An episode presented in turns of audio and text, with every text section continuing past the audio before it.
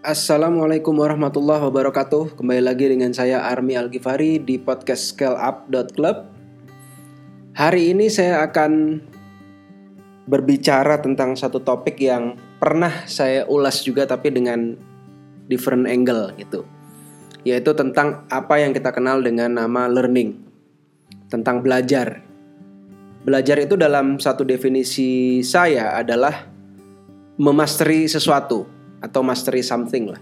Kita ingin mastery tentang Facebook Ads, kita ingin mastery tentang bisnis atau tentang public speaking atau ya mungkin hanya sekedar mastery bagaimana caranya mengedit video atau mengedit audio. Jadi kita memastery sesuatu. Itulah learning dalam definisi saya. Untuk menuju sebuah level mastery dari sebuah skill ya itu sebetulnya cuma ada dua hal terpenting. Yang pertama adalah mindset ya mindset ini mindset mindset pembelajar.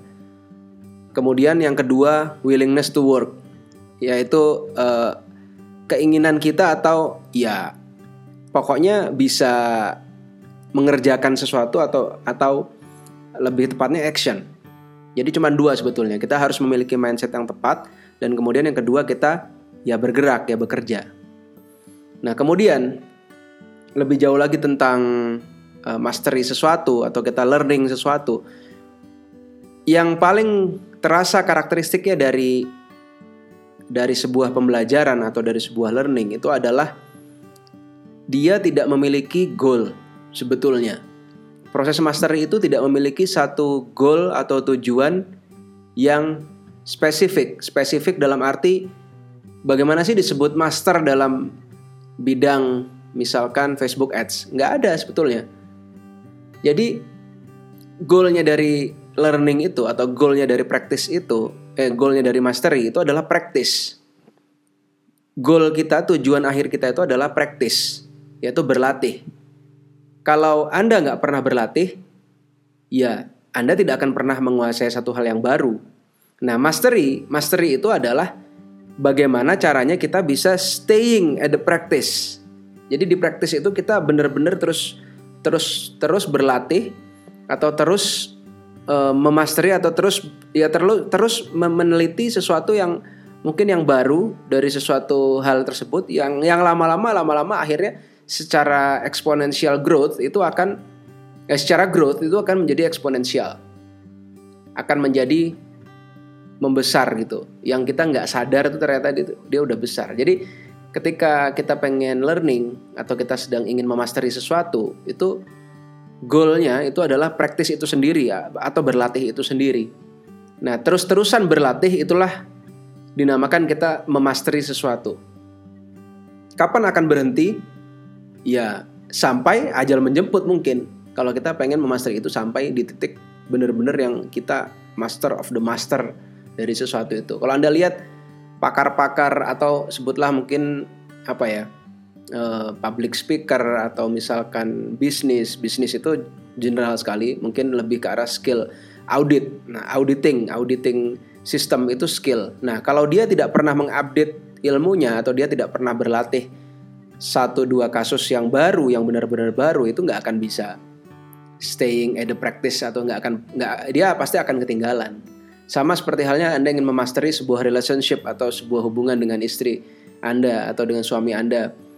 Itu sebetulnya mastery juga, itu sebetulnya juga learning juga. Ini by the way konsep mastery ini uh, saya baca di buku dari bukunya dari bukunya aduh saya lupa saya lupa judulnya nanti kapan-kapan kalau saya ingat saya bahas lagi di sini jadi yang paling kentara yang paling saya ingat ya dari buku itu ini jadi yang tentang relationship Anda ketika berada di dalam sebuah relationship itu um, itu sebetulnya Anda sedang memasteri sesuatu. Nah, ketika Anda uh, bersama istri Anda misalkan, Anda satu hari Anda makan dengan istri Anda, itu anggaplah itu sebuah praktis.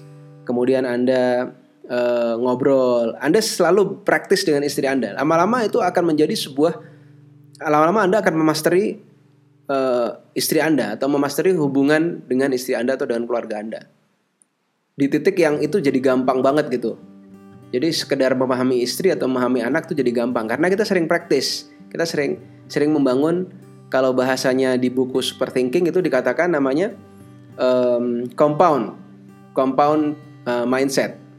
Kalau di bahasanya ya itu bahasanya di bukunya Super Thinking Com compound compounding. Konsep itu diambil dari konsep ekonomi yang uh, apa namanya? Yang bunga berbunga. Kalau Anda pernah dapat pelajaran SMA atau SMP dulu tentang ekonomi ada konsep bunga berbunga. Nah, itu compound itu seperti itu. Keajaiban dunia yang ke-8. Anda cari aja di podcast saya tentang keajaiban dunia yang ke-8 yaitu compound interest. Nah, ini bisa diterapkan di hubungan relationship di relationship dengan istri Anda atau dengan teman Anda. Sama kayak saya ingin memasteri hubungan saya secara bisnis dengan uh, salah satu teman dekat saya misalkan Agan Halid dan Imam. Ya, kita praktis setiap hari Praktis dalam arti praktisnya secara relationship untuk mempelajari dia ya. Ya isinya pasti tidak akan pernah eh pasti tidak melulu tentang happiness. Pasti nanti ada berantemnya, pasti ada marahnya, pasti ada kayak keselnya. Nah, di titik itu akhirnya kita sama-sama ngerti yang lama-lama akhirnya jadi gampang gitu loh membangun suatu bisnis dengan mereka. Sama dengan tim, sama dengan ya itu hubungan secara personal ya antara kita dengan orang lain itu pun masuk ke mastery. Jadi mastery itu adalah kita berada di dalam praktis itu sendiri. Nah, gimana nih caranya? Caranya kita bisa memastery sesuatu hal yang baru. Yang paling gampang caranya itu adalah ya kamu mulai aja, ya kita mulai aja dengan sesuatu yang paling sederhana. Misalkan saya mau mastery skill Facebook Ads. Maka yang saya lakukan pertama kali adalah ya udah yang paling gampang apa? Saya buka akun dulu, kemudian saya masang iklan. Saya belum tahu nih semua komposisi di dalamnya akan seperti apa, tapi yang saya tahu saya harus praktis. Oke, saya jalanin dulu aja iklannya. Saya bikin iklannya, saya start. Udah, start with something simple. Nanti lama-lama uh, praktis lagi, Anda buka lagi besoknya. Kenapa kok angkanya bisa seperti ini? Nah, yang kedua karakteristiknya adalah learn slowly. Jadi anda mulai dari cara yang paling gampang. Yang kedua, learnnya slowly. Karena kalau slowly, Anda tahu deepnya seperti apa? Kayak kayak tadi misalkan ini angka CTR ini maksudnya apa ya? Anda mulai cari. Oh CTR itu seperti ini. Kemudian anda lihat CPC CPC itu oh seperti ini. Kemudian ini kok ada ada iklan yang CTR tinggi ada iklan yang CTR rendah. Oh ternyata yang berpengaruh adalah gambarnya berpengaruh adalah teksnya yang berpengaruh adalah videonya misalkan. Nah itu anda akhirnya melihat secara mendalam. Dan ketika anda praktis anda ngertinya karena praktis itu akan masuknya cepat di kepala kita karena kita praktis. Nah, kemudian dengan adanya seperti kita learn slowly itu, itu kita akan tahu mistake-mistake yang kecil yang yang apa namanya kesalahan-kesalahan yang kecil yang terjadi yang kita lakukan itu kecil kelihatannya dan besar dampaknya itu akan kelihatan di mata kita. Sama kayak saya punya kasus rumah saya eh, tembok sebelah kiri tembok yang bersentuhan dengan tetangga itu bocor bukan bocor sih kayak kayak ada retak-retak kayak keluar air gitu loh. Saya bingung ini kenapa? Kita coba naik ke atas genteng nggak ada yang bocor nggak ada yang apa kita cari lagi nggak ada. Eh ternyata setelah diteliti, diteliti lagi airnya masuk tuh bukan karena lubang yang besar atau karena ada kebocoran yang besar. Airnya masuk itu gara-gara di atas tuh ada di bagian tembok yang paling atas tuh ada retak-retak kecil. Retak-retak kecil retaknya tuh rambut gitu loh. Ada retak kecil yang mana ketika hujan gede itu masuk di situ airnya. Begitu itu kita poles, ternyata hilang. Jadi saya saya akhirnya berfilosofinya sesuatu yang kelihatannya besar itu belum tentu disebabkan suatu hal yang besar. Bisa jadi itu hanya disebabkan satu hal yang kecil-kecil yang kita nggak sadar. Sama kayak kita sering ditipu, misalkan bisnis gitu ditipu orang. Mungkin bu, mungkin bukan masalah tentang penipu, kita ditipu jumlahnya jadi gede, bukan itu. Tapi mungkin ada kesalahan kecil yang sederhana sekali yang kita lewat karena kita nggak deep melihatnya. Yang akhirnya itu menyebabkan hasilnya itu menyebabkan kerugian yang besar sekali. Banyak misalkan uh, tidak tidak secara rutin mengecek keuangan misalkan seperti itu.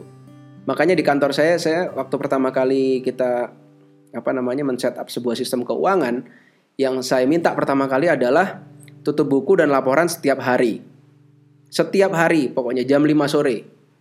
Awalnya saya challenge uh, pagi dan sore. Wah berat. Itu pun karena karena tutup bukunya masih eh, tiga atau empat hari atau lima hari atau tujuh hari. Saya bilang kalau kita kalau kita laporannya baru tahu tujuh hari kemudian, maka selama tujuh hari itu ada kemungkinan fraud dan kemungkinan loss yang besar dalam bisnis kita. Kalau kamu sanggup tanggung dengan tujuh hari loss ini kemudian misalkan anggaplah kita loss 4 miliar dan kamu sanggup tutup 4 miliar itu sendiri dari kantong sendiri terserah. Tapi kalau kamu nggak sanggup maka buat laporannya harian. Jungkir balik bikin sistemnya. Beneran jungkir balik. Yang akhirnya mungkin beberapa bulan baru kemudian bisa terbentuk satu alur yang sangat smooth gitu sampai akhirnya jam 5 sore itu ada laporan, thread laporan. Yang laporan tuh yang reliable. Semua aspek diperhatikan baik baik komponen cost apa namanya variable costnya ada mungkin kalau toko online ya ada returnnya ada refundnya itu return tanggal berapa refund tanggal berapa itu cost leads yang datang hari itu berapa costnya yang yang transaksi hari itu disebabkan oleh leads yang kemarin dan kemarinnya lagi dimasukkan di hari itu juga berapa costnya itu semua keluar di situ. Jadi artinya reporting itu bersifat harian dan akhirnya karena kita ngelihatnya harian kita bisa uh, meminimalisir ketika ada sesuatu yang something wrong. Nah, memastery sampai di level itu itu pelan, itu slow banget. Itu harus dilihatnya secara deep. Nah, itu ya. Jadi poin berikutnya adalah kita nggak apa-apa learn slowly itu nggak apa-apa karena kita nggak berniat kaya dalam waktu cepat kan karena kita nggak nggak berniat menjadi anti mastery anti mastery itu anti mastery itu adalah um, orang yang pengennya cepat hasilnya cepat yang mana itu sudah pasti dalam in, dalam jangka dalam game yang panjang itu pasti akan kalah dengan orang yang mastery orang yang anti mastery itu pengennya fastest solution yang pengennya uh, quick fix yang pengennya langsung kaya mendadak, yang kepengennya begitu nge-launch bisnis langsung kaya. Kalau Anda berniatnya langsung yang seperti itu, langsung-langsung yang seperti itu, ya itu berarti Anda tidak tidak sedang ingin memasteri sesuatu karena karakteristiknya orang mastery itu pasti selalu seperti itu. Nah, cara berikutnya untuk kita mastery, yang pertama tadi kita mulai dengan cara sederhana, yang kedua kita eh, kita mulainya pelan-pelan aja, learn slowly, diniatkan untuk bermain jangka waktu yang panjang. Yang ketiga, cara terbaiknya itu adalah apprentice. Apprentice atau apa ya? Ya uh, menjadi bagian dari menjadi bagian dari orang yang memang sudah master sebelumnya. Misal kalau saya misalkan belajar silat gitu ya. Ya saya saya sebisa mungkin jadi jadi asistennya guru silat gitu kira-kira itu paling itu paling paling base-nya itu ya base-nya itu ya Anda jadi jadi asistennya. Tapi kalau nggak sampai jadi asistennya juga, at least berada dalam lingkarannya si guru silat ini. Berarti kita mendekati orang yang master. Akhirnya kita akan tahu karena karena uh, si master ini, good master ini dia um, dia akan menunjukkan merefleksikan kalau dia peduli dengan kita, dia akan merefleksikan merefleksikan apa yang dia dulu pernah keliru itu akan dilihat kepada orang dan kemudian orang itu akan dia tegur. Kalau dia tegur berarti dia mau niat membantu orang ini menjadi master juga. Tapi kalau dia nggak negur biarin aja itu itu udah dibiarin. Itu bukan itu menurut saya malah bukan seorang guru yang baik. Jadi yang lucu eh, ada kasus yang lucu di kelas konversi. Ada orang ya ada orang ini ada dua kasus ya yang pertama itu selalu waktu masuk di kelas konversi itu dia selalu nanya-nanya nggak jelas. Nanya dia nanya apa, dia nanya apa lagi. Sampai akhirnya kita itu yang ngajar saya Agan Halid Imam itu sampai annoying gitu. Ngeliat ini anak ini kok nanyanya wah, pokoknya kita akhirnya kita marah-marahin. Mindset apa segala macam kita marah-marahin, kasih video, kasih ini. Iya, dia iya, iya, iya, dia oke, okay, dia terima marah. Kita tuh dia terima. Sampai satu satu saat kemudian dia report bahwa tokonya berhasil, omsetnya ratusan juta. Dan itu kita amazing banget. Anak ini kan yang paling yang paling bandel istilahnya. Kalau nanya, nanyanya nggak jelas. Nanyanya pokoknya semua ditanya gitu. Pas saya tanya, ya dia bilang ya mendingan dimarahin di mendingan dimarahin di kelas daripada nanti saya boncos. Dia mindsetnya gitu. Nah menurut saya eh, kayaknya ini unik nih. Kemudian ada satu kasus lagi, satu kasus lagi perilakunya mirip. Wah perilakunya mirip. Bahkan sampai dia curhat sampai dia oh, pokoknya kita marahin lah di kelas tuh. Marahin sampai Agan Halid keceplosan juga saking dia keselnya nyebut dia bodoh gitu. Mungkin kalau anda di antara pendengar podcast saya ada yang tahu orangnya nggak usah di mention nggak usah disebutkan ya. Sampai dibilang bodoh. Kemudian um, kita sudah nunjukkan bahkan sampai saya tegur secara pribadi juga saya tegur dan saya kasih tahu tuh detail banget bagaimana cara saya menyelesaikan masalah yang mirip dia dulu. Saya kasih tahu secara detail. Yang mana artinya saya punya kepedulian terhadap dia, dia saya pengen dia segera selesai masalahnya dan saya tahu core of the core dari masalahnya dia itu adalah di satu masalah itu tadi satu satu bab itu saya kasih tahu. Eh ternyata pundung. Pundung ternyata dia kayak marah emosi atau gimana mungkin dia left group atau left ini dia masuk grup lain dia masuk satu satu kelas pembelajaran lain bergunjing Nah, bergunjing membicarakan wah di sana dimarahin, dihina segala macam, nggak usah nggak usah bro. Apa namanya? Terus malah di tempat itu oh nggak di sini nggak pernah dimarahin, kalau ditanya langsung dijawab. Ini dalam pikiran saya ya, dalam pikiran saya. Tidak akan pernah ada situasi di mana Anda belajar kalau Anda kalau Anda lagi belajar, Anda dikas Anda tidak diberikan negatif feedback. Guru Anda selalu oh iya bagus, oh iya jalankan aja terus itu artinya guru Anda nggak peduli. Kalau dia ngasih negatif feedback ke Anda, artinya dia peduli. Itu yang saya lihat di beberapa kelas-kelasnya Agan Halid juga. Agan Halid yang paling termasuk yang paling sering ngasih negatif feedback ke orang. Rata-rata orang yang dikasih negatif feedback itu resultnya itu luar biasa. Dan kita juga ngetes juga di kelas bantai juga sebelum ini. Ada juga orang-orang yang kita kasih negatif feedback. Itu amazing. Amazingnya artinya orang itu benar-benar nerima. Mungkin mungkin berkahnya dia belajar ya. Bukan bukan lantaran kami yang ngajar pinter. Enggak kami hanya ngasih taunya the truthnya aja. Ngasih tahu bahwa ini loh kamu salah di sini. Cara berpikirmu seperti ini tuh salah. Salahmu tuh bukan di teknik. Salahmu tuh ada di cara kamu ber berpikir. Ingat tadi master itu ada dua mindset dan willingness to work mindset yang kamu pakai tuh lo salah ketika kamu beriklan kamu pengennya langsung dapat hari itu juga apa namanya untungnya nah itu salah contohnya gitu kamu harus berpikir uh, kalau kamu nggak punya budget yang gede, oke okay, mainnya budget yang kecil. Nggak jangan bermain budget yang gede. Jangan mempertaruhkan semuanya dalam satu kantong, dalam satu keranjang. Itu sebuah mindset. Nah, beberapa orang ada nggak seperti itu. Kalau kita tegur kemudian tegur kemudian kita kasih tahu, ya mungkin mungkin salah cara negurnya ya. Kemudian dia membantah ya dia akan mengulangi kesalahan yang sudah lalu. Yang sudah terjadi pernah terjadi di saya atau di agan hal atau di imam. Nah, ini kasus-kasus seperti ini karena kita sering ngajar berapa ratus orang mungkin mungkin kalau saya hitung termasuk dengan yang kelas-kelas yang kayak gratis dan ke kelas-kelas NES dulu saya pernah keliling Indonesia itu mungkin sudah ribuan orang ya. Saya melihat pattern gitu. Saya melihat orang-orang yang sukses itu adalah orang-orang yang siap diberikan negatif feedback, dikasih ditunjukin yang salah. Nah, kalau Anda pengen tahu guru yang baik atau guru yang jelek itu bedanya di mana, Anda lihat aja studentnya anda lihat aja student yang beneran student ya, bukan student yang diklaim. Student itu adalah orang yang dididik dan kemudian dari nol kemudian dia jadi berhasil.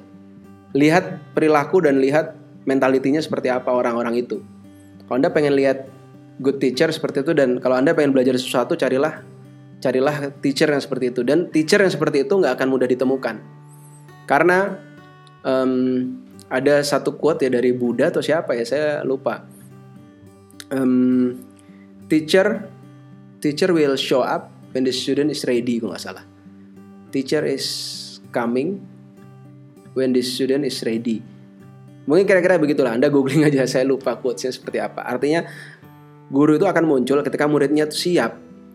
Kalau muridnya nggak siap ya itu guru apa pun selalu salah. Kalau anda cuma hanya ingin diberikan teknik diberikan apa namanya eh, cara cepat diberikan uh, toolnya diberikan fastest solutionnya. Nggak usah nggak usah ikut kelas yang kelas. Ini kan kalau kelas konversi judulnya kelas ya. Kelas itu ada, ada gurunya ada gurunya ada muridnya itu filosofinya. Ya anda nggak usah masuk kelas. Anda cari aja materi gratisan di mana atau anda buka aja Facebook. Facebook kalau konteksnya adalah belajar Facebook Ads ya anda cari aja buka di Facebook Help itu banyak.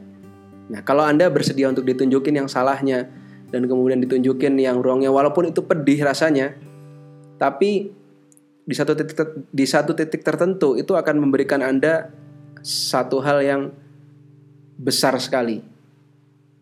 Dan banyak sekali saya karyawan juga di kantor kita uh, kasih negatif feedback dan orangnya positif itu tumbuh karena nggak akan ada orang hanya dikasih positif feedback itu hanya apa ya saya nyebutnya itu kayak sugar coating, sugar coating relationship.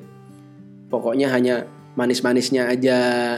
Oh iya bagus, kamu hebat. Oh iya kamu bagus, kamu ini. Kalau kamu kalau kita punya karyawan satu dua mungkin bisa, tapi kalau karyawan sudah mulai 100 atau 200 orang, tunjukin orang yang salah itu, apalagi orang yang inti. Saya sering dengan tim inti saya juga, kadang-kadang saya voice note, saya kirim, bentuknya sudah marah. Marah tapi saya saya cluster ya ke orang itu aja. Jadi bentuknya voice note 2 4 menit gitu saya ngomong, "Bro, caramu seperti ini tuh nggak bener, saya nggak suka. Kamu melakukan ini ini ini ini harusnya kamu begini. Kalau kayak gini terus bagaimana aku bisa rely bisnis kamu nggak reliable di bab yang ini nah coba yang bab ini kita benerin kalau memang perlu ambil course. Kalau memang perlu ambil pembelajaran baru di luar sana. Ambil apa yang nggak ngerti di bab itu gitu. Nah itu kalau dikasih negatif feedback seperti itu orang kalau orang yang dia orang yang dia growth mindset nah ini balik ke podcast yang kemarin growth mindset maka dia akan grow. Tapi kalau dia fix mindset ya udah itu hilang nanti. Dan biarin aja orang kayak gitu hilang. Kita nggak akan pernah rugi kehilangan orang-orang yang fix mindset. Kita tidak akan pernah rugi kehilangan orang yang tidak mau mem membesarkan dirinya dia sendiri. Kita nggak akan pernah rugi kehilangan murid yang tidak mau belajar, tidak mau praktis, tidak mau memastery skillnya dia. Nggak akan pernah rugi. Dan itu akan menyaring benar-benar posisi kita. Kita punya student yang beneran student. Kita punya orang yang nggak suka dengan cara belajar di kita dia akan keluar itu contoh kasus saja ya tentang learning. Nah apakah Mas Army juga melakukan hal yang sama? Oh yang sama sama banget. Bahkan saya bilang saya Facebook Facebook Ads Master saya nggak berani. Oh Master nih saya juga nggak berani. Karena setiap hari selalu ada hal baru yang saya harus learning lagi. Bahkan saya pun belajar dengan tim saya. Saya udah mulai ketinggalan di bagian kreatif. Wah anak-anak kan di challenge terus di kantor saya. Challenge untuk membuat uh, ad kreatif yang baru konten yang baru yang kontennya itu saya batasin. Kamu nggak boleh bikin terlalu bikin konten clickbait. Kamu harus kasih konten yang positif pada orang lain. Kamu harus bikin orang lain apa namanya terencourage untuk sebuah hal yang positif bukan menakut-nakuti. Jadi uh, mindset-mindset yang di luar yang dibawa masuk ke dalam nggak works tuh. Kadang-kadang kalau anak immerse masuk pokoknya clickbait entah gambarnya apa pokoknya clickbait. Mainnya angle gambar kasih tanda panah kasih bulat-bulat itu udah saya larang kalau di saya. Terserah kamu mau bikin konten kontennya harus positif bagus memberikan value buat orang lain itu yang kita butuhkan. CTR nya rendah oke okay, itu nanti diimprove di bagian cara bikin gambarnya cara bikin teksnya. Akibatnya in the long run karena kita selalu stay di hal yang fundamental ya kita grow. Ya slowly aja nggak apa-apa grow slow itu nggak ada masalah. Nanti kapan-kapan saya ulas di podcast saya yang lain tentang grow slow. Kemarin sudah sempat saya bahas di materi tentang cliff bar. Ada cara aja tentang cliff bar. Itu grow slow. Ya nggak ada masalah. Kita keep uh, apa namanya orang-orang apa customer yang memang fit dengan kita. Kalau dia nggak fit dengan kita ya silahkan mungkin memang bukan jodoh di kita. Kira-kira begitulah secara umum ya tentang learning. Nah learning ini manusia itu adalah learning animal. Jadi kalau kita nggak learning berarti kita mati. Setiap hari kita harus learning sesuatu. Nah caranya learning tadi itu. Dan kita ketika kita punya mindset yang benar dan kemudian kita punya etos kerja yang benar, insya Allah itu pasti di titik tertentu in the long run kita pasti memasteri sesuatu itu asalkan kita keep practicing terus. Practice practice practice practice. Start with something simple. Slowly nggak ada masalah. Kalau bisa berada di lingkaran orang-orang yang master juga di bab itu. Kalau anda nggak berada di lingkaran itu akan sangat sulit. Itu aja mungkin dari saya podcast kali ini. 25 menit cukup membosankan mungkin mendengarkannya. Mudah-mudahan saya bisa keep update dengan materi-materi yang baru seputar bisnis seputar uh, psikologi, seputar spiritual, seputar ya mungkin sosial uh, life ya yang bisa bermanfaat untuk kita semua. Terima kasih. Assalamualaikum warahmatullahi wabarakatuh.